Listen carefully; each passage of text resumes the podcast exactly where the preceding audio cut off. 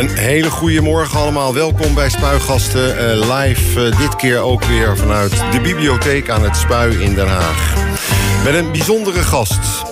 Het is uh, alweer bijna vier maanden geleden dat zijn vierde en laatste kabinet viel... en dat hij zijn vertrek uit de Haagse politiek uh, aankondigde. Tot verrassing van velen nog steeds. En voor het eerst gaat hij zometeen uitgebreid terugblikken op de afgelopen tijd... en zijn denken erover, en dat noemen ze dan in de politiek geloof ik... reflecteren op het eigen functioneren. Zo lelijk Nederlands. Dat woord gaan we niet gebruiken. Nee? Nee, dat schrappen we verder uit de uitzending. Oké, okay, oké. Okay. Hartelijk welkom in ieder geval Mark Rutte. Ron, superleuk te zijn. Heel erg leuk uh, dat, uh, dat, uh, dat u wil komen. Ja, ik ben gewend om u te zeggen. Dat heb ik altijd gedaan, dus dat blijf ik maar gewoon Goed doen. u te zien. Ja. Um, we gaan het er zo meteen uitgebreid over hebben. Over de VVD, uw premierschap en hoe u terugkijkt op hoe dat allemaal is gegaan. Maar ik wilde natuurlijk toch beginnen met de actualiteit. Uh, vannacht zware bombardementen in Israël. Uh, of vanuit Israël op Gazastrook moet ik zeggen. 100 straaljagers zouden er zijn ingezet. Artsen zonder Grenzen zegt het is uiterst zorgwekkend wat daar nu gebeurt. Wat is uw reactie? In de eerste plaats wil ik voorkomen dat ik, dat ik iedere dag... of Keizer Olengren of, of uh, Hanke Bruin Slotsminister van Zaken... dat we reageren op iedere dag wat er militair gebeurt. Uh, wij kunnen dat niet overzien. Voorwaarde is dat wat Israël doet proportioneel moet zijn... binnen alle regels van het oorlogsrecht, het humanitair oorlogsrecht. Um, wat ik wel wil zeggen... Um, ik maak me hele grote zorgen over de humanitaire situatie in Gaza. We hadden de afgelopen twee dagen de Europese Raad. En um, ik heb het ook bij die inloop gezegd. Heel veel mijn collega's hebben het gezegd. Amerika zegt het. Kijk, Israël moet zich verdedigen. Als Hamas niet een kopje kleiner wordt gemaakt... is dat, langer, is dat ook het einde van Israël. Zij moeten hun afschrikking in de regio herstellen. Ook tegen um, Hezbollah, tegen Islamic Jihad. Maar... Wat Israël ook in de hand heeft, is dat hulpgoederen, dus stroom, water, uh, brandstof, dat de ziekenhuizen weer op gang kunnen komen. Dat, je, uh, uh, dat er ook weer voldoende voedsel is. En dan niet 20 van die vrachtauto's per dag de grens over, maar echt 100, 150 per dag. En dat al die verbindingen weer hersteld worden, dat heeft Israël ook in de hand. En dat gebeurt nu niet of volstrekt onvoldoende. Ik vind dat niet acceptabel. En wat nog helemaal niet acceptabel is, wat ook doorgaat, is het geweld tegen Palestijnen op de Westbank. Door settlers. Die settlers zijn er sowieso illegaal, want die settlements hadden er nooit mogen komen. En worden ze ook nog eens bewapend. En uh, schieten ze daar Palestijnen neer. Dit is natuurlijk totaal onacceptabel en maakt het wel heel moeilijk om in de kern waar je Israël wilt steunen naar die verschrikkelijke terroristische aanslag. 1400 Israëliërs omgekomen. Uh, willen wij natuurlijk Israël blijven steunen, maar ze moeten wel ook ons helpen hen te blijven steunen. Ja, want u zegt het is totaal onacceptabel ja. eigenlijk wat Israël doet. Uh, en uh, is dit nog proportioneel te noemen wat er nu gebeurt? Kijk, proportioneel praat je dus over die militaire actie. En dan praat je waar u er op terecht over begon. De nou ja, 100 straaljagers. Ja, maar dat kan juist. I, Pas op, we, zij moeten uh, Hamas uitschakelen. Ik kan niet beoordelen hier vandaan, vanaf deze barkruk... Uh, in dit hele veilige Den Haag, in deze veilige bibliotheek... wat wel of niet wenselijk is. Randvoorwaarden zijn helder.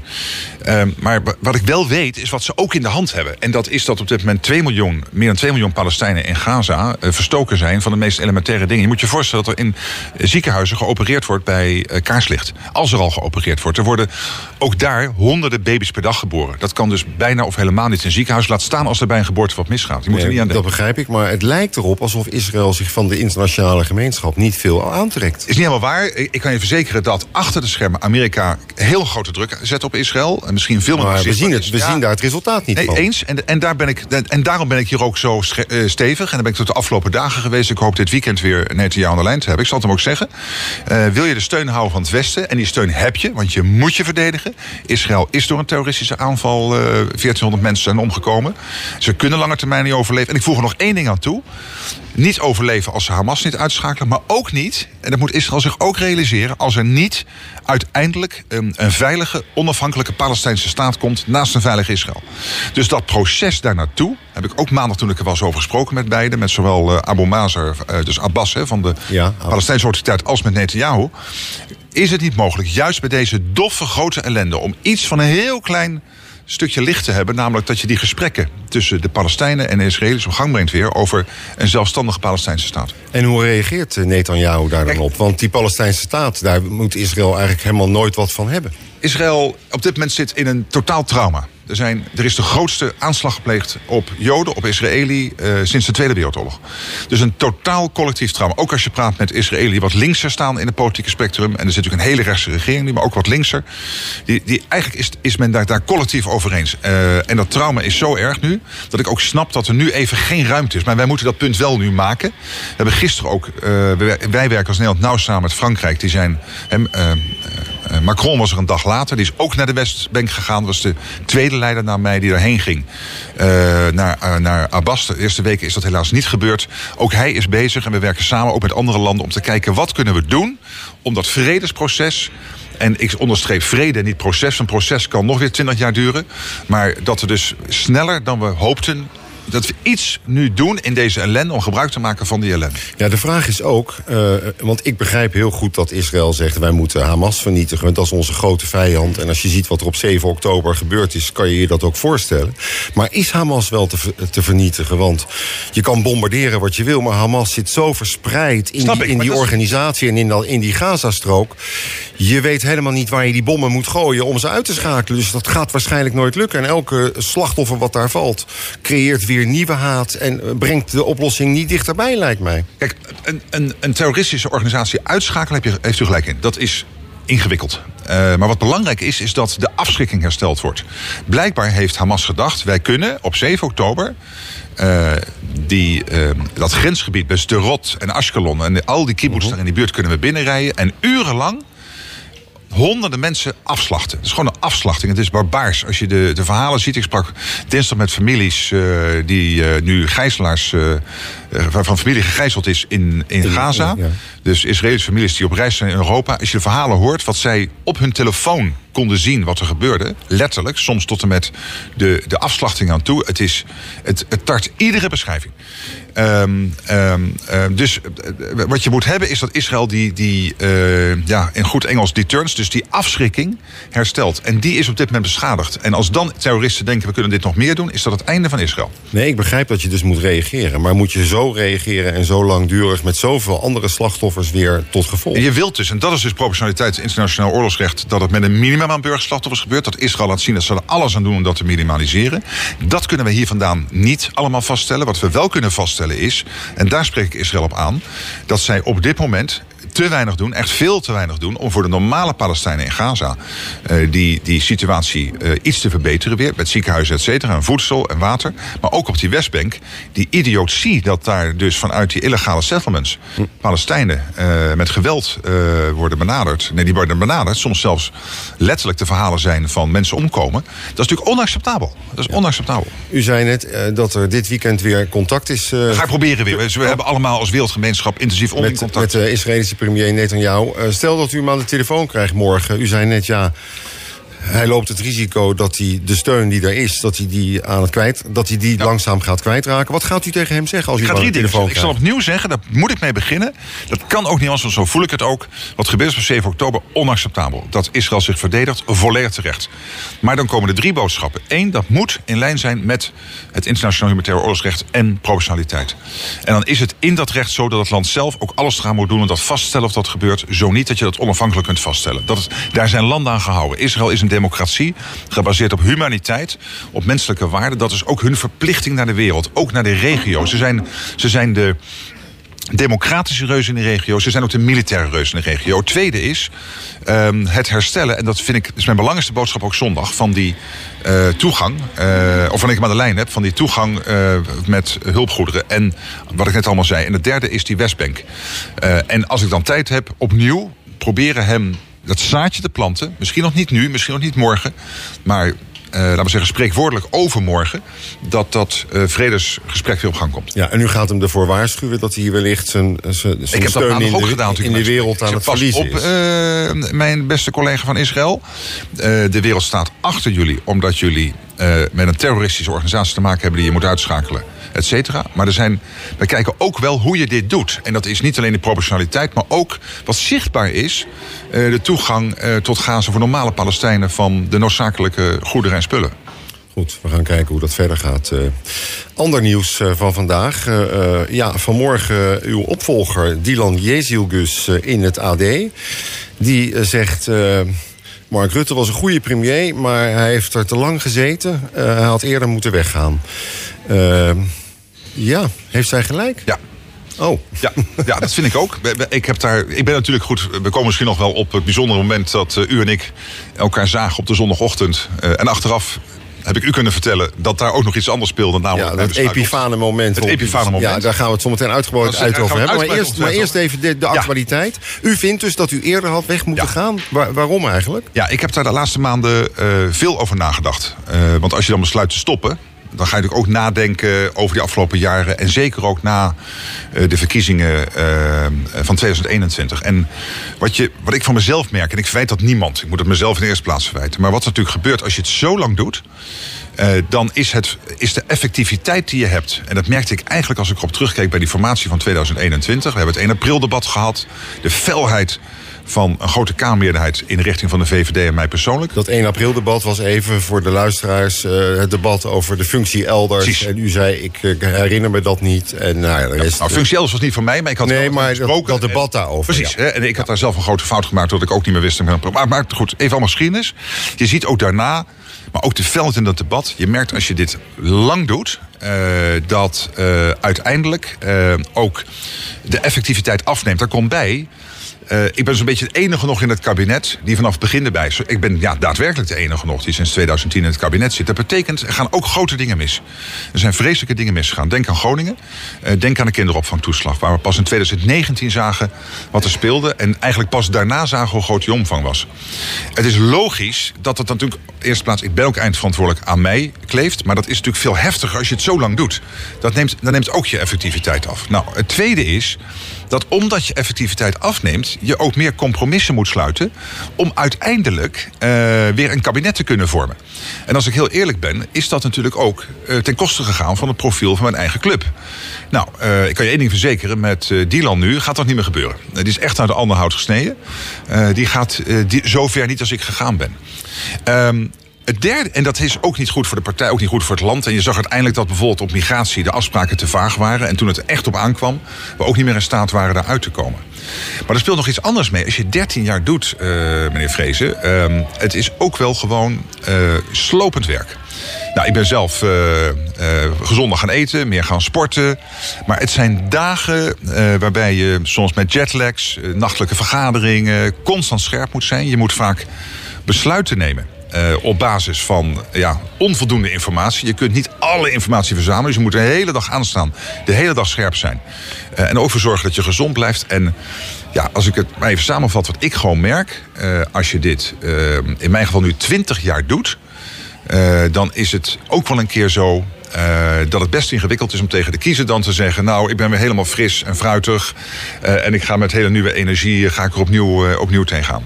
Ja, het is wel heel opmerkelijk dat u dit allemaal zegt. Want we gaan nu terugkijken op die afgelopen periode. En dit is echt nieuw wat u nou zegt. Het kan best zijn dat u er al langer over heeft nagedacht. Maar toch is de vraag die het bij mij als eerste oproept... en die stel ik dan maar gelijk even.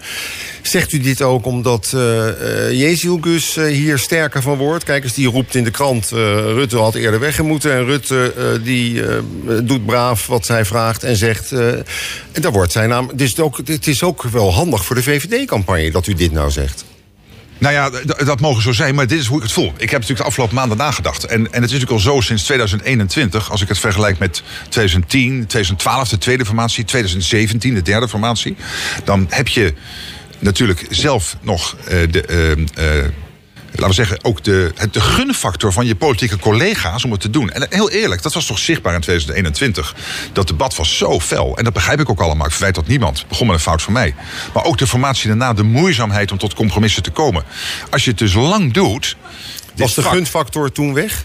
Nou, weg is een groot woord. Het is nooit zwart-wit. Maar je, ik denk wel dat ik achteraf bezien uh, het speelt natuurlijk ook wat anders mee. Corona was nog in zijn nafase in 2021. We waren, of nou, in zijn A-fase, we, we, hadden de tweede, we zaten nog in die hele grote tweede golf. Maar je zag wel dat inmiddels met de vaccins en zo er licht aan het eind van de tunnel was. Maar ik had ook het idee toen, je wilt toch ook Nederland weer helpen, ook economisch weer boven Jan te komen. Kan ik het nu maken om weg te gaan? Uh, dus je hebt altijd argumenten om door te gaan. Zoals ik ook trouwens na de val van het kabinet die vrijdagavond tot zondagochtend de peilingen van de hond, waar ik nog enthousiast zat na te denken welke strategie op basis daarvan ik voor de VVD kon bedenken. En een uur later, toen wij elkaar tegenkwamen, had besloten ik stop. Dus dat zijn ook nooit zwart-wit momenten. Ja, je neemt op geen besluit. Maar het is geen wiskundige formule van nou is de optelsom zodanig dat je stopt. Maar hier speelt wel mee. Uh, uh, je moet de hele dag aanstaan. Je moet altijd besluiten nemen op basis van onvoldoende informatie. Of heel vaak. En dat is vaak ook nog eens een keer nadat je nacht in een vliegtuig hebt gezeten. Of nu deze week maandag laat terug uit uh, Jeruzalem, Ramallah. Nu weer twee dagen Europese Raad die tot diep in de nacht duren met alle nagesprekken. Dus Um, en dan gaat het na 13 jaar ook wel een beetje tellen natuurlijk. Maar het ging u altijd wel goed af. Ik sprak Lodewijk Asscher nog niet zo lang geleden. En die zei, wij kwamen dan helemaal afgemat uh, zo'n vergadering uit uh, midden in de nacht. En dan kwam Mark Rutte naar buiten. En het leek wel alsof hij net fris uit de sauna kwam.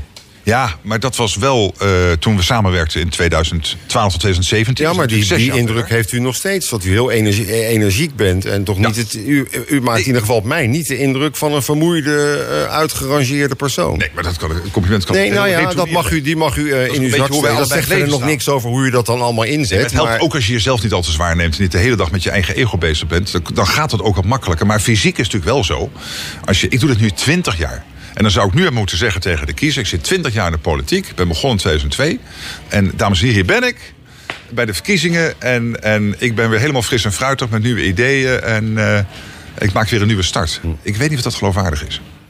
Nee, Uh, toch zullen er heel veel mensen zijn die zeggen: ja, uh, uh, Rutte ziet dan nu eigenlijk in wat wij al veel langer zagen. Hè? Dus dat Rutte misschien een beetje uitgewerkt, uitgewerkt en uitgerangeerd. Nou, niet uitgerangeerd was, maar uitgewerkt. En dat het niet meer effectief was wat hij deed. Dat is mijn gevoel. De, de, ja, dat, dat is uw gevoel. Maar de, de, mensen in het land hoorden je veel om je heen. Ook in de politiek werd natuurlijk ook zo uitgespeeld. Hè? Omdat het zo ook politiek uitkwam, uw tegenstanders. Die zagen dat natuurlijk al langer. Maar, hoe kan het dan dat u dat eigenlijk dan nu pas ziet? Ja, kijk, uh, uh, ik vind dus inderdaad... Uh, het was beter geweest na 21 die wisseling te hebben. Ja, hoe werken die dingen? Uh, ik was van de zomer bij Angela Merkel op bezoek. En had een discussie toen zij uh, in 2016 besloot om zich opnieuw te kandideren. Of 2017 was ze al 12 jaar kanselier. Ze is eigenlijk 16 jaar geweest. Dus die wint het met drie jaar, twee, drie jaar van mij. Wat was voor haar de overweging? Dat was na de vluchtelingencrisis in 2016. Dacht zij, ik kan nu niet daarvan gaan. Ik kan nou niet besluiten om het uh, te laten zitten. Je hebt altijd argumenten, zoals ik dat in 2021 had. Dat was corona. In die coronacrisis. Kan ik nu maken weg te gaan? Of moet ik juist nu ook uh, het land helpen door deze crisis verder heen te komen en economisch te herstellen. Je hebt altijd argumenten waarom het eigenlijk niet zonder jou kan. Ja, en die verkiezingen uh, in 2021, die won u ook nog. Ja, dat is natuurlijk ook zo. Dus dan, dan is het daarna natuurlijk ook niet zo makkelijk om daarna dan gelijk te zeggen, ik ga weg. Nee, maar zo voelt het voor mij ook niet. Het is echt deze zomer, toen ik had besloten die zondag te stoppen. En daarna natuurlijk in de zomer hebben gaan nadenken. Ja. Dat ik dacht, ja, weet je, eigenlijk is, is die hele gedachte die ook ergens anders wel eens opkwam van term limits, is eigenlijk helemaal niet zo'n rare. Want dat had mij ook extern gedwongen door een ja, meer juridische reden om uiterlijk in 21 uh, te zeggen. Het is, wel, het is wel mooi. Maar nog eens, 20 jaar politicus zijn op dat Haagse toneel uh, in allerlei rollen mee te lopen. Op een gegeven moment denk ik dat geldt voor iedereen. Uh, dan, dan gaat dat op een gegeven moment ook tellen. En dan zullen mensen ook zeggen: joh, even een nieuw gezicht. Oké, uh, we gaan er zo meteen nog verder over praten over deze situatie. En over, uh, natuurlijk ook over de vraag wat u verder gaat doen. En uh, over hoe, hoe u dat premierschap nou heeft ingevuld. Maar laten we inderdaad maar eens even teruggaan naar juli van dit jaar. De val van het kabinet. Daar wou ik eigenlijk even mee beginnen. Wat is daar nou eigenlijk precies gebeurd? Want de VVD heeft op een gegeven moment gezegd: dit werkt zo niet. Andere partijen kwamen ook tot die conclusie. Ja. Wat is er nou eigenlijk gebeurd? Waar is dat nou misgegaan? Korte samenvatting, uh, migratie. We hadden een lange discussie vanaf november over dat de migratie in grief onder controle moesten krijgen. Uh, en dat was volle, volle breed. Dus ook arbeid en uh, uh, huwelijksmigratie, maar vooral ook kennismigratie. Maar in de kern natuurlijk die asielmigratie. Dat is de gevoeligste.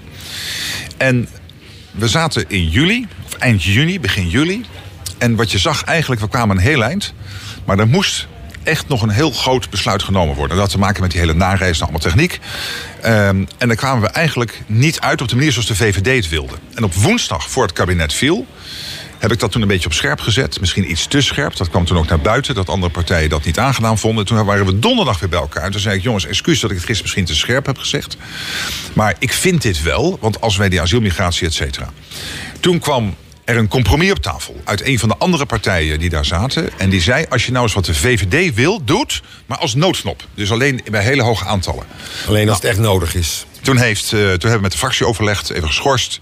Uh, want je moet ook wel zorgen dat, je, dat het orkest ook nog meeloopt achter je. En toen zei de fractie: Ja, uh, althans de woordvoerders en mhm. hele fractie. Maar dat kan voor ons ook. Dan maken we er een noodknop van. En toen had je eigenlijk een situatie dat ook bijvoorbeeld een partij als D66 zei... oké, maar dan kunnen wij er ook mee leven. Toen hebben we gezegd, en ChristenUnie twijfelde. En toen hebben we daar gezegd, we gaan dat uitwerken. En op vrijdagmiddag zei de ChristenUnie, en dat accepteer, accepteer ik volledig... want die waren er altijd helder over dat dit een ingewikkeld punt voor hun was. Die zeiden, ook in die noodknopvariant is die nareisbeperking voor ons uh, niet mogelijk. En toen hebben we gezegd, dan moeten we ook met z'n vieren nu stoppen. Dus ik dacht, na die donderdag, er is een compromis wat werkbaar is. Ook voor bijvoorbeeld voor D66. CDA was sowieso wel op onze lijn. En dat, dat was de val van het kabinet. Ja, en dat kan natuurlijk gebeuren. Uh... Maar zegt u dan eigenlijk dat het uh, uiteindelijk door de ChristenUnie komt? Dat nee, het kabinet nee, nee, ga ik ze zeker niet verwijten. Want er was een, uh, uiteindelijk hebben wij het op scherp gezet. Omdat, en het CDA steunde dat. Omdat het voor ons essentieel was.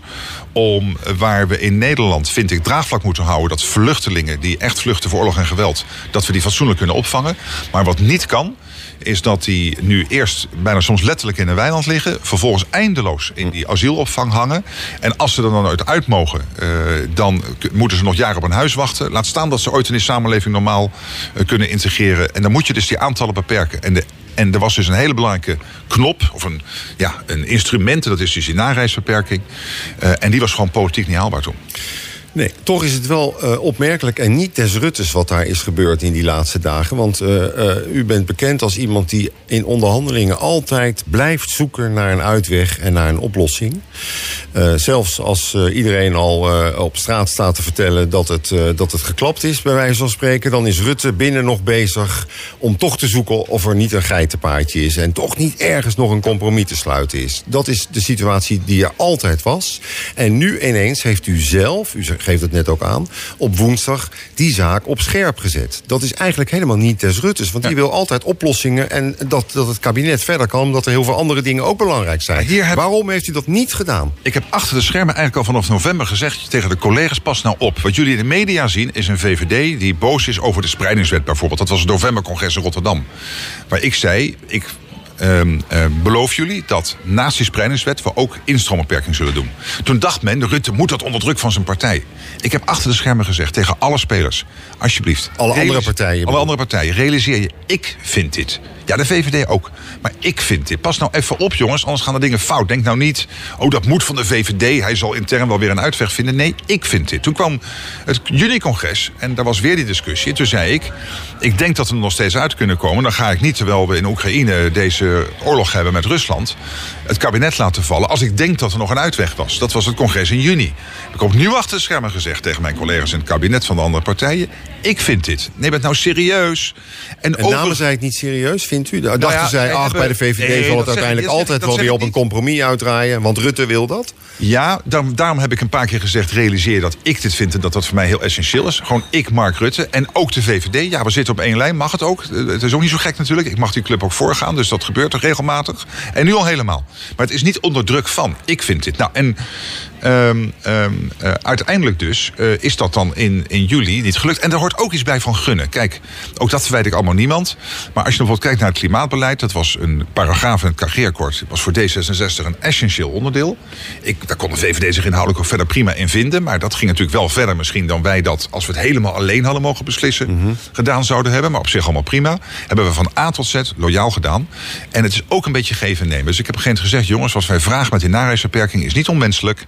Uiteindelijk moet ik zeggen, is D66 ook akkoord gegaan in die nacht van donderdag of vrijdag met het compromis van maak er dan een ja, want er staat voor hun ook veel andere dingen op het spel natuurlijk in dat kabinet. Ook dat, maar, uh, maar uiteindelijk ja. is het ook een, en dan zie je ook weer dat na zoveel jaar, ik denk ook mijn effectiviteit was afgenomen dat dat wat misschien makkelijker was gegaan in 2011 of in 2014 of in 2019, uh, dat je zegt jongens, zullen we er samen uitkomen?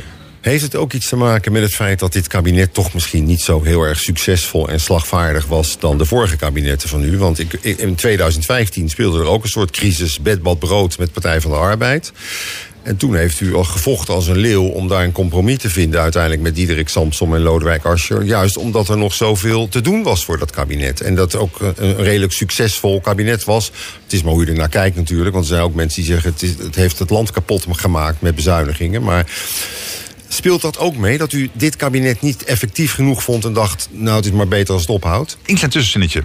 Kijk even naar... Ja of nee graag gewoon. Dat is dus simpel, toch? Nee, het kabinet was niet, niet, niet ineffectief, maar het was niet effectief genoeg. Maar even uh, over het land kapot bezuinigen. Even één oh, nee, ja, ik dacht wel, dan gaat hij daarover beginnen. Meneer Vrezen, uh, meneer Vrezen in, in, uh, kijk even naar het rapport van S&P. Oh nee. Ja, oh, kijk, ik, nee, ik ga je toch één zin zeggen. We hebben tijd nou, voor onze Luisteraar, bent u er nog? En dan zie je dat Nederland dit moment dus echt de best presterende economie van de wereld heeft. Nee, dat geloof ik ook. Maar er zijn heel veel. geen werkloosheid meer hebben. Ja. Hoge economische groei. Laten we daar nou trots op zijn. Terug naar uw vraag. Ja, precies. Het, het kabinet was niet effectief genoeg. Uh, en dat speelt zeker ook mee dat uiteindelijk, uh, als ik dat analyseer, ook de gunfactor in de richting van de VVD en mij persoonlijk, door het zo lang te doen. Uh, en ook misschien de irritatie van dan was die Rutte weer de grootste geworden. En we hadden natuurlijk die met corona. Ja, heb je ook het. Heb je ook, ja, eerlijk zijn, natuurlijk als voorman van het kabinet heb je ook heel veel zichtbare publiciteit. Uh, in zo'n crisis mag je het land voorgaan. Dat heeft misschien in zo'n campagne ook mensen meer bij de VVD gebracht. Dat weet je allemaal niet. Dus er was irritatie, allemaal begrijpelijk. Uh, maar het is niet zo dat we niks bereikten. Want inderdaad, op heel veel onderwerpen, ook op de investeringen in veiligheid, in defensie. Maar mag ik het dan zo concluderen? Mag ik het dan zo concluderen dat het in ieder geval een kabinet was wat het niet waard was om je helemaal dood voor te vechten met weer een waterig compromis? Sorry, dat was het niet. Het punt, dat is niet het punt. Het punt is dat soms een, een kwestie zelf in zichzelf zo groot is. En ik vind migratie en de, de spanning in onze samenleving. Hoe voorkom je dat het draagvlak voor asielopvang hier wegvalt? En dat is aan het wegvallen, ook vandaag weer. Je ziet nu weer hoe zwaar het is in Ter Apel om iedereen een plek te geven. Mensen maken zich daar zorgen over. Die zeggen, joh, Mark, prima dat we asielzoekers opvangen. Maar wij houden die aantallen enigszins in de klauwen. En dat lukt gewoon nu niet. Oké, tot zover de val van eh, het laatste kabinet, weten we inmiddels van, eh, van u. Dan gaan we naar die vrijdag. Dan geeft u een persconferentie en dan zegt u... op de vraag van journalisten, eh, gaat u nog door voor een nieuwe ronde? Als u het menu vraagt, ja, ik heb nog de energie en de ideeën. Dat is natuurlijk ook wat u altijd zegt als die vraag komt. En dan twee dagen later kom ik u tegen zoals vaker... want u bent nogal van de gewoontes en de vaste dingen. U ook? Want anders zouden we elkaar Nou, ja. steeds tegenkomen. Ja, nou ja, ik ga in ieder geval. Ik ga, ik, wat de sportschool betreft, is dat in ieder geval het geval. Ja, Eh, op zondagmorgen. En dan inderdaad, op zondagmorgen, dan heeft u dat epifane moment. eh, waar je nu eens denkt: ik stop. Dus op vrijdag zegt u. Zo het gaan. Ja, eh, maar, er is in twee dagen. Wat is, wat is daar dan gebeurd? Ja, wat er gebeurt, op vrijdag valt het kabinet. Ik had absoluut de overtuiging, ga door. Ook zaterdag, zondagochtend zei ik al. Dan komt altijd, u weet dat, tegenwoordig is dat zaterdagavond sinds een paar weken. Maar meestal op zondagochtend toen nog. Komt de hond met zijn peiling, met hè, Maurice de Hond, met een aantal analyses. Ja, als, als polit- politicus is dat zo'n moment dat je even gaat lezen... wat zit er onder die cijfers. Dus ik zat al in mijn hoofd allemaal plannen te maken van... ah, daar zit een kans als ik die analyse lees... en daar zit een mogelijkheid voor dus de u was campagne. echt van plan echt om door te gaan. Ja, die zondag helemaal. En ik, ik, ik fiets naar eh, onze plek. maar dat gaat dus in, in een fietstochtje van twee Nee, kilometer. nee, niet een dat- fietstochtje. Nee, nee, het was Draait dat zelfs- 100, Nee, ook daar 180 niet. graden om. Het is nog erger. Oh. Eh, het is nog erger. Ik zit daar aan tafel met een paar vrienden dus eh, aan die koffie. En eh, daar, eh, eh, eh, eigenlijk tijdens die koffie... We hadden het over antiekbeurzen. Eh, we hadden het helemaal niet over politiek. Eh, over antiekbeurzen. En eh, wat gingen ze heen daarna. En tijdens dat gesprek dacht ik ineens... Ja, nee, dat is natuurlijk nog een andere optie. En dat voelde zo verschrikkelijk goed. Nou, vervolgens kwam u in de weg lopen, want u schoof aan voor de koffie. En ik moest eigenlijk iemand bellen. We zouden die middag met het politbureau eh, van de VVD, wat noemen wij het kernteam. Dus zeg maar, maar een beetje gebaseerd op wat de oude communisten deden. Dus de, de, de hoofden van dienst bij elkaar zetten. Eh, dat zou bij elkaar komen in Bergen bij eh, iemand die ons een beetje daarin begeleidt. En die, heb ik, die wilde ik bellen om te zeggen, joh, ik ga vanmiddag dit eh, aankondigen. Eh, dat zou om één uur zijn. Maar toen stonden we samen nog bij die fietsenstalling. Dus ik heb vanuit die fietsenstalling die vent gebeld. Die meneer gebeld en gezegd, weet even dat dit om één uur gebeurt. Ja, nee, dat begrijp ik. Want zo is het ook gelopen. En de volgende dag was dat debat. En toen verraste u heel het land zo ongeveer met eh, de aankondiging dat u zou stoppen.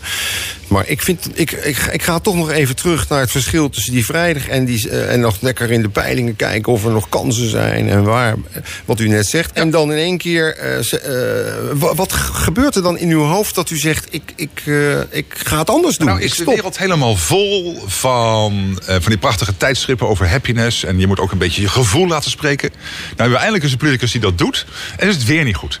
Maar, Nou, maar proberen, als maar die politicus Mark Rutte is, is het wel logisch ja, dat daar wat kritische. Vragen over worden gesteld. Omdat dat en dat misschien niet ik. heel erg geloofwaardig overkomt. Ik snap dat helemaal. Goed, een goede reactie. Kijk, ehm, ik kan alleen maar zeggen... dat moment was dat moment. Als je achteraf natuurlijk gaat nadenken... die realisatie van de zomer... als je wat meer in jezelf gaat graven van... joh, even die afgelopen 13 jaar... zonder het allemaal te groot te maken alsof het allemaal over mij gaat... maar je, je, je hebt af en toe even zo'n... als je op vakantie bent, denk je er wat langer over na... als er even geen dagelijkse druk is van eh, dingen die op het werk spelen. Eh, dat, precies dat punt van... van kun je na 20 jaar in de politiek zitten... als je het zo lang doet... eh, kun je dan geloofwaardig zeggen: ehm, ik maak weer een nieuwe start. Ehm, plus, wat ik net zei, ehm, dat betekent als we weer de grootste zouden worden, moet ik daar weer vier jaar volledig aan staan. Eh, inderdaad, op basis van niet altijd voldoende informatie besluiten nemen. En de, en de fitheid. eh, maar, ook, eh, het, het, ehm, maar ook natuurlijk die realisatie natuurlijk dat dat dat kabinet moeizaam gelopen was. Misschien ook wel mede omdat uiteindelijk iets van die... wat je elkaar gunt als politici onderling van andere partijen was afgenomen. Omdat Mark dat zit Rutte- misschien allemaal in mijn achterhoofd. Dat weet ik niet. Want nogmaals, die ochtend zat ik nog te denken, ik ga door. En toen we aan die koffie tegenkwam, had ik een ander het besluit genomen. Het een, een Maar het is natuurlijk geen een wiskunde. wonderlijke Het is geen eh, wiskundige ontwikkeling vinden eh, de- door iemand, van iemand die zo lang eh, minister-president is. Maar goed, oké, eh, als u dat zegt dan... Het is eh, geen wiskundige formule. Hè, dat je zegt van ik tel dit op en dit op en dit op en dan stop je. Uiteindelijk kan er op een gegeven moment ook een soort realisatie... bijna vanuit een gevoel opborrelen...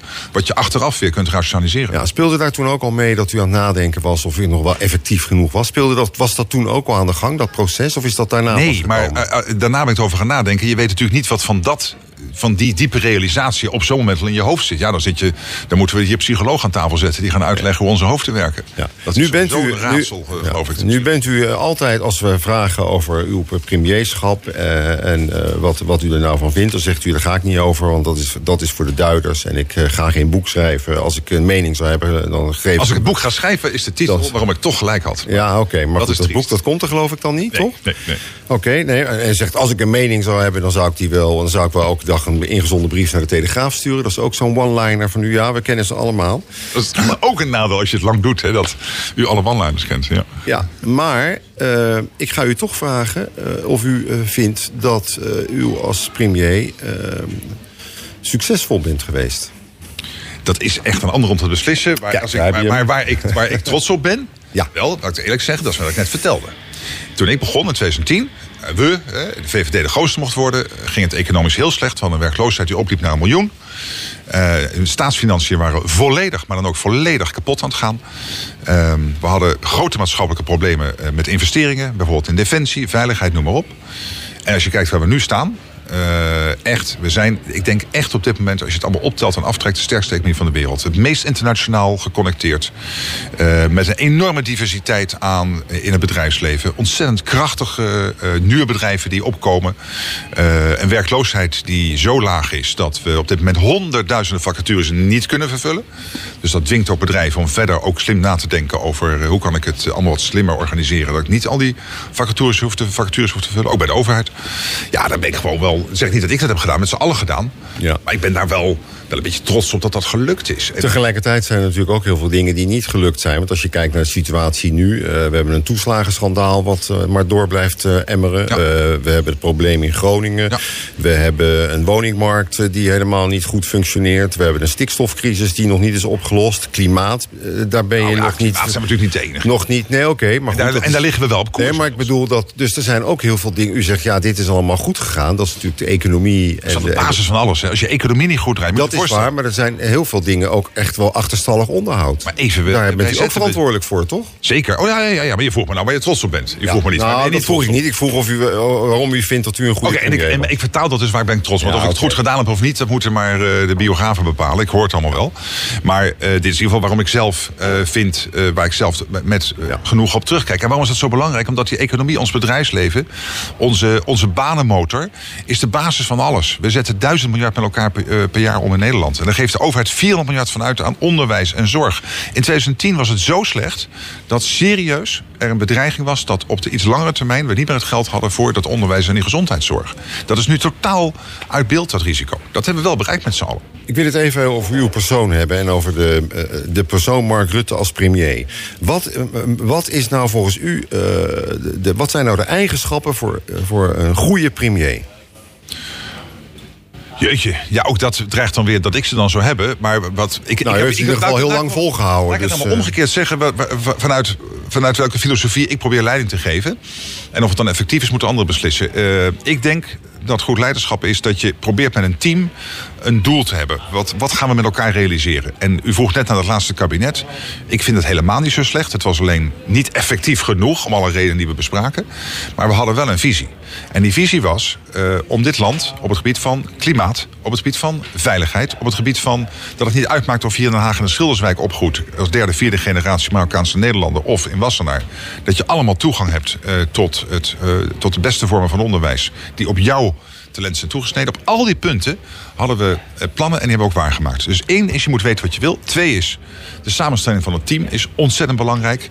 En drie, ook een beetje eh, de cultuur in het team. Dus hoe werk je met elkaar samen? Wat is de onderlinge, wat is de onderlinge sfeer? Ja, wat is daar het geheim van bij u? Want er wordt inderdaad gezegd in de gesprekken die, als we die over u voeren, wordt daar vaak gezegd: Rutte is ongelooflijk, eh, eh, hij is ongelooflijk goed in het dossier. Hij kent eh, bijna elk dossier kent hij. En als hij het eenmaal gelezen heeft, weet hij het ook. En onthoudt hij het allemaal. Hij is goed op het proces, dus hij weet de politieke gevoeligheden, de angels en de klemmen onderweg en wat er nodig is om iets te bereiken. En, en daar, daar had u het net over, hij is heel erg goed op menselijke relaties. Hij heeft eigenlijk heel veel vrienden in de politiek door de manier waarop hij dat doet.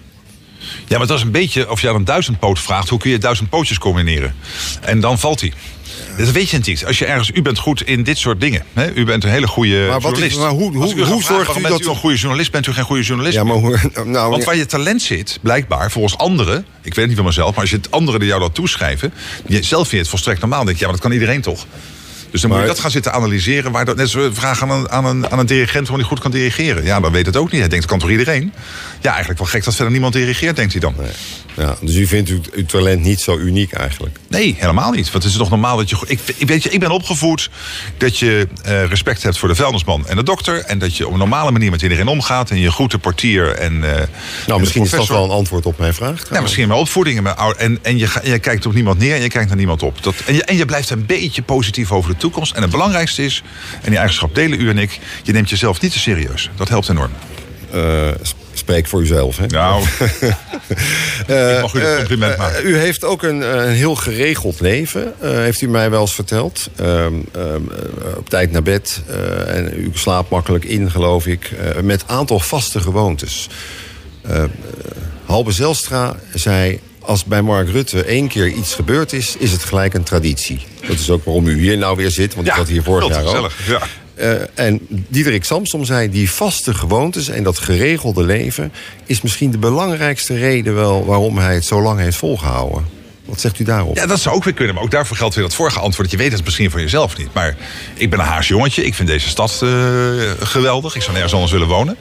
Eh, juist ook door al die diversiteit. En, en, ja, en in die stad heb ik mijn vrienden. En ook toen ik deze baan kreeg in 2010 is daar niks veranderd. En dat is een vriendenkring die zich voor een belangrijk be- deel... helemaal buiten de politiek en ook al buiten, die, buiten de VVD afspeelt. Eh, en ehm, ja, dat, dat, vind ik, dat ben ik allemaal wel gewoon blijven doen. Ik heb alleen het is tegelijkertijd ook wel zo dat je af en toe moet afbellen. Omdat het debat uitloopt. Of je moet ineens naar het buitenland. Of er is een heel moeilijke crisis waar je moet proberen. Nou ja, we weten niet alles, maar laten we besluit maar nemen. Nee, want dat vroeg ik me af. Hoe kan iemand die zo van vaste gewoontes is... en eh, een aantal vaste dingen in zijn leven wil hebben... hoe kan die het in hemelsnaam volhouden als politicus vol onzekerheid? Ah, maar dan ga ik u vertellen hoe, waarom Mozart en Beethoven afwijken van Bach. Bach had, als je piano speelt, heb je linker en de rechterhand. En bij Bach zijn de linker en de rechterhand zijn even belangrijk. Maar eigenlijk vanaf de rococo, vanaf de... eh, dus na het barok, dus vanaf Mozart krijgt de linkerhand is de structuur. Die, die biedt de structuur in de muziek. En de rechterhand speelt de melodie. Oké, en dat is bij u ook structuur zo. van je privéleven en je vriendschappen en, Ja. en de tradities en eh, een paar vaste afspraken. Ja, dat is eigenlijk dat deel. En dan kun je verder daaroverheen kun je alle, kun je alle problemen aan. Ik denk dat dat is wat eh, Diederik Samsom analyseerde. En misschien is dat waar, maar ja, dat weet je ook niet van jezelf. Nee. Nu uh, wordt er ook van u gezegd, ja, hij is heel joviaal met zijn appeltje. En uh, als er een kop koffie omvalt, dan begint hij dat gelijk op te dweilen. Dat zal hij vast wel doen, omdat hij weet dat de camera's staan. Ja, ik hoop dat die koffie ook wel als die camera er niet is. Volgens mij zou ik dat dan ook doen. Ja? Ja. Dus dat is echt, hoort bij u? Ja, weet ik niet, maar dan ga ik mezelf eh, hier tot een soort uh, legende zelfs verklaren. Nee. Uh, dat, dat, weet ik niet. Ik hoop dat iedereen gewoon thuis een opvoeding heeft. Dat, dat als je iets, als je rotzooi maakt, dat je het opruimt. Ja, ja. En dat je gewoon aardig bent tegen andere mensen. Want de meeste mensen zijn heel leuk. U bent joviaal. Dat wordt er gezegd van u. Dat ziet, dat ziet ook iedereen. Maar bent u ook niet ongelooflijk streng en hard achter de schermen en een, een control freak? Controlfreak valt mee, maar ik, ik vind wel als je in de politiek zit en je bent minister of staatssecretaris, dat is een ongelooflijke eer. Uh, en dan mag ik ook aan jou vragen om, om ervoor te zorgen dat je, dat je zelf scherp bent. Uh, dat je de feiten uh, weet uh, en dat je geen. En je mag fouten maken. Ik maak zelf, nou, we hebben net over het Groningen en toeslagen. Er zijn natuurlijk ook dingen echt niet goed gegaan. Waar heel veel mensen problemen door hebben. Waar ik natuurlijk altijd tenminste eindverantwoordelijk voor ben. Dus ik ga mezelf hier niet vrijpleiten. Maar ik vind wel dat je ook van je collega's een hoog standaard mag vragen. En, want hoe doet u dat? Nou ja, dat doe ik meestal heel vriendelijk. Maar ik kan wel eens wat kribbig zijn. En alleen als ik kribbig ben tegen iemand dan maak ik het eigenlijk altijd meteen goed, omdat ik dat ook weer onzin vind. En dan schiet je even uit je slof. Denk je, ja, dat heeft natuurlijk ook helemaal geen nut. Want iedereen doet vreselijk zijn best. En soms schiet je ook wel eens uit je slof tegen iemand, omdat je gewoon zelf uh, rot in je vel zit over iets. En, en te snel uit je slof schiet. Nou, dan moet je het ook weer bijleggen. Maar dat kan ook weer te maken hebben met het feit dat u het belangrijk vindt... en ook weet dat het belangrijk is dat je relaties goed blijven. Ja, maar je kunt niet de hele dag zo berekenen het leven... want dan zou het allemaal berekening zijn. En als dat zo is... Nou, ik heb wel eens het idee dat bij u veel berekening is. Dat u, u bent ook zelf wel zo, maar u weet ook heel goed dat het politiek belangrijk is.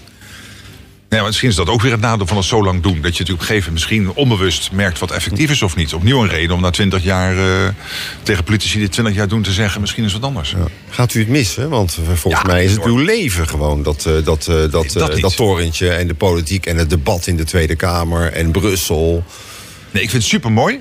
maar ik, dat is het niet. Het is niet mijn leven. Mijn leven is, het is echt een baan. want ik moet ook geld verdienen. En ik vind het ongelooflijk eervol. Uh, maar mijn leven is echt, uh, zijn mijn vrienden, familie, mijn hobby's. Dat is mijn leven. Maar ik, ik vind het wel als baan, en dat dan ook nog eens een keer 24-7, wel ontzettend mooi om te doen. Ja. Maar het is niet all-encompassing, dus dat het alles op, opslurpt. Oké, ik ga u even vragen uw koptelefoon op te zetten... want we hebben even een fragmentje van uh, een jaar geleden ongeveer. En toen zei u hier het volgende over de vraag wat u nou zou gaan doen. Als je dus geen premier zou meer zijn... Ga ik lesgeven. Ik geef nu een paar les ja, op, op de Johan de Wit uh, scholengroep. En uh, ik denk dat ik dat een tijdje ga doen. Dat vind ik superleuk. Want je moet volgens mij in het leven dingen doen... Uh, waar je s'avonds niet van denkt, was het nuttig? Nou, in de politiek is er nog wel eens een dag... Dat je s'avonds denkt, was dit nou allemaal nuttig? Maar een leraar hoeft zich die vraag nooit te stellen. Maar stel dat, hè, want dat, ja, de politiek is een grillig vak. Is een, is een grillig vak. Het kan morgen het afgelopen, kan morgen afgelopen zijn. Dus dan zou Mark Rutte meteen voor de klas gaan staan? Ja, denk ik zo. Ja. Echt oh, waar? Ja? Fulltime. Maar ik moet dan wel een opleiding volgen, want ik heb er geen aantekening voor. Dus ik maar moet kan dan... zij instromer worden? Ja, ik vond, ja, maar als zij instroom moet je een hele opleiding volgen. Bij het ICLOM. Oh. Ik heb het helemaal uitgezocht. Maar ze hebben onderwijzers hard nodig. Dus ik denk wel dat dan, ze... Je krijgt er, ja, en zelfs geschiedenis hebben ze langzamerhand nodig. Ja. Ja. Bent u er al uit uh, wat u gaat doen? Ja, als ik les zou geven, niet fulltime denk ik. Uh, dat is wel veranderd. Ik zou dat willen combineren met wat ik mij heel mooi lijkt, uh, uh, in Den Haag zie je dat de Schilderswijk nu eigenlijk best goed draait. Maar nu zijn er weer problemen rond Moerwijk. En zo zijn er heel veel wijken in Nederland waar problemen zijn. En ook mensen als, uh, nou ik weet, Bas van Woud, Lodewijk Asscher zijn eigenlijk na hun politieke loopbaan deels ook met dat soort vraagstukken bezig. Dat lijkt me erg mooi om dat ook een paar dagen in de week te doen naast lesgeven. En verder ben ik deze zomer gaan nadenken met de crisis nu in Oekraïne. Ehm, zou ik niet eerst nog een paar jaar toch iets internationaals moeten doen? Ah, kijk, en, daar komt en ervaring daarvoor inzetten. Maar heel eerlijk, er zijn maar een paar plekken. En die plekken zijn bezet. En voor zover ze niet bezet zijn, uh, is de kans heel groot dat zo'n plek naar uh, iemand gaat die heel goed is. En ook vrouwen, dat zou ook goed zijn. Want het zijn heel vaak banen waar nog nooit vrouwen op gezeten hebben. Dus uh, heel prima als daar een goede vrouwelijke collega heen gaat. Dus ik denk dat die kans beperkt is. en dan zou ik dit meteen gaan doen. Doet zich zo'n mogelijkheid wel voor dan een paar jaar later. Ja, voor de, het voorzitterschap van de Europese Commissie bent u lid van de verkeerde partij, denk ik. Want dat, dat gaat meestal naar een sociaaldemocraat of naar een christendemocraat. Uh, nee, er zijn drie van die rollen. Uh, uh, voorzitter Europese Raad, Charles Michel, dat is een part-time baan, wil ik niet. voorzitter de Europese Commissie lijkt me wel heel mooi. Ook maar daar heeft u de verkeerde precies, kleur voor. SG NAVO. En daarvan is de kans heel groot dat daar een, een collega uit Europa komt die... en verder zijn er geen rollen. Verder is er niks. Nee, nou maar u noemt de functie al die volgens mij heel kansrijk voor u is. Dat is namelijk secretaris-generaal van de NAVO. Wat Jaap de Hoop Scheffer uh, als laatste Nederlander ook een aantal jaren heeft mogen doen. Zou u dat leuk vinden, die baan? Ik vind die drie banen, nou ja, voor Nee, die, met name die laatste baan. Want nou, nou ja, internationale. Het zijn hele... leuke banen, maar het, zijn, het, zijn, het is niet zo mooi als wat ik nu doe. Maar het, is, het, zijn, het zou je nog een paar de kans geven om uh, internationaal in een periode waarin natuurlijk sinds begin vorig jaar de wereld totaal veranderd is. Uh, inmiddels ook spanningen zijn zeer ernstig tussen Kosovo en Servië. En natuurlijk sinds 7 oktober de verschrikkelijke uh, uh, terreur in het Midden-Oosten die Israël bestrijden is. Ehm, dan is zo'n rol heel interessant. Um, zou ik nog wat kunnen bijdragen. Maar nogmaals, uh, de kans is heel groot, heel erg groot. Uh, want daar is gewoon breed ook steun voor dat te gaan doen. Dat uh, iemand anders in Europa, en ik ga wel geen namen noemen, maar een, een collega die ook vrouw is. En dat zou ook heel goed zijn dat ook een keer zo'n baan. Want vrouwen breken overal. Oké, okay, dus u bent voor die baan in de, als NAVO-baas geen frontrunner? Ik, weet ik allemaal niet. Ik, ik ga u nergens campagne voor voeren of zo. Nou, ik, vraag het nou... ik zeg, ik, ook hier geef ik gewoon het eerlijke antwoord. Uh, uh, nu het kabinet eerder is gevallen dan gedacht... en we in zo'n grote crisis zitten, wereldwijd... vind ik het Syrië ook raar na 13 jaar als ik zou zeggen... ik kijk niet nog één keer of er wat is. Maar er zijn maar deze drie functies... waarvan er ja. één door mij niet gewild wordt. En, en één inderdaad niet beschikbaar komt. En één waarschijnlijk niet. Maar we gaan het zien. Ja.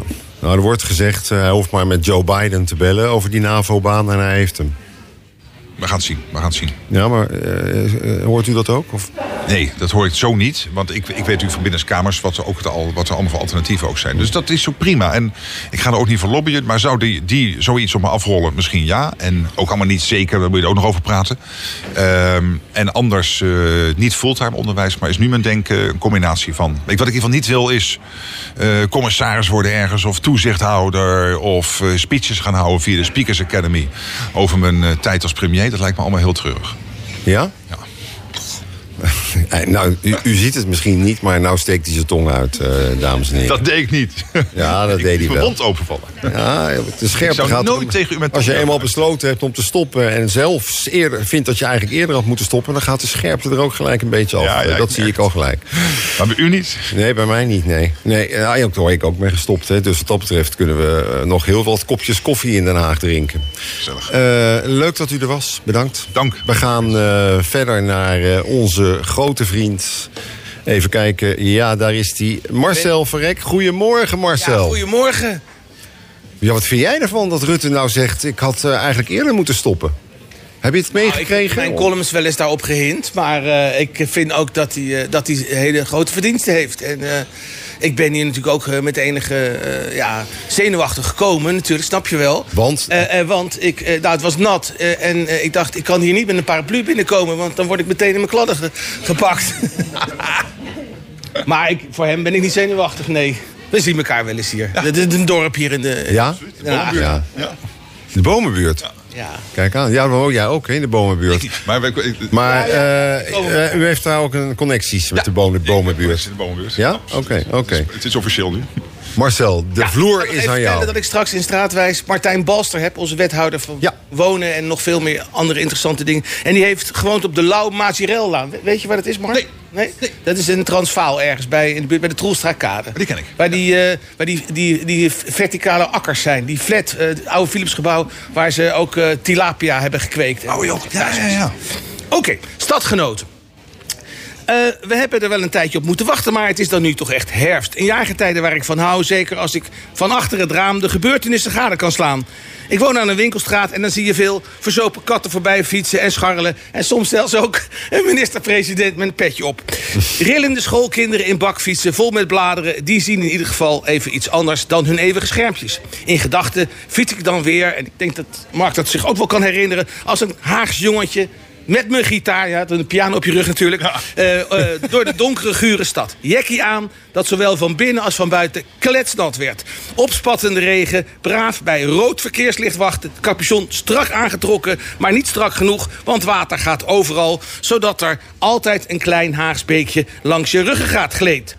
Herfst, vlammende kleuren. Al worden de kleuren van de regenboog niet door alle Telstar-spelers geapprecieerd. Het is het bontebal, niet Henry, van de natuur... waarop Heintje de Dood zijn dans uitvoert. Bladeren, kastanjes en nu met de verkiezingstijd... een extra oververtegenwoordiging van eikels.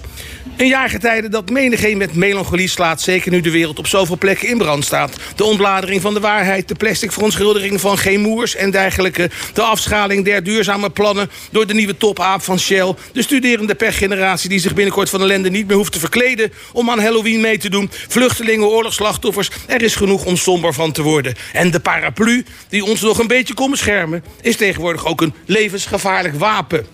Het is natuurlijk heel erg wat er gebeurt met Thierry Baudet. En ik keur het ook af.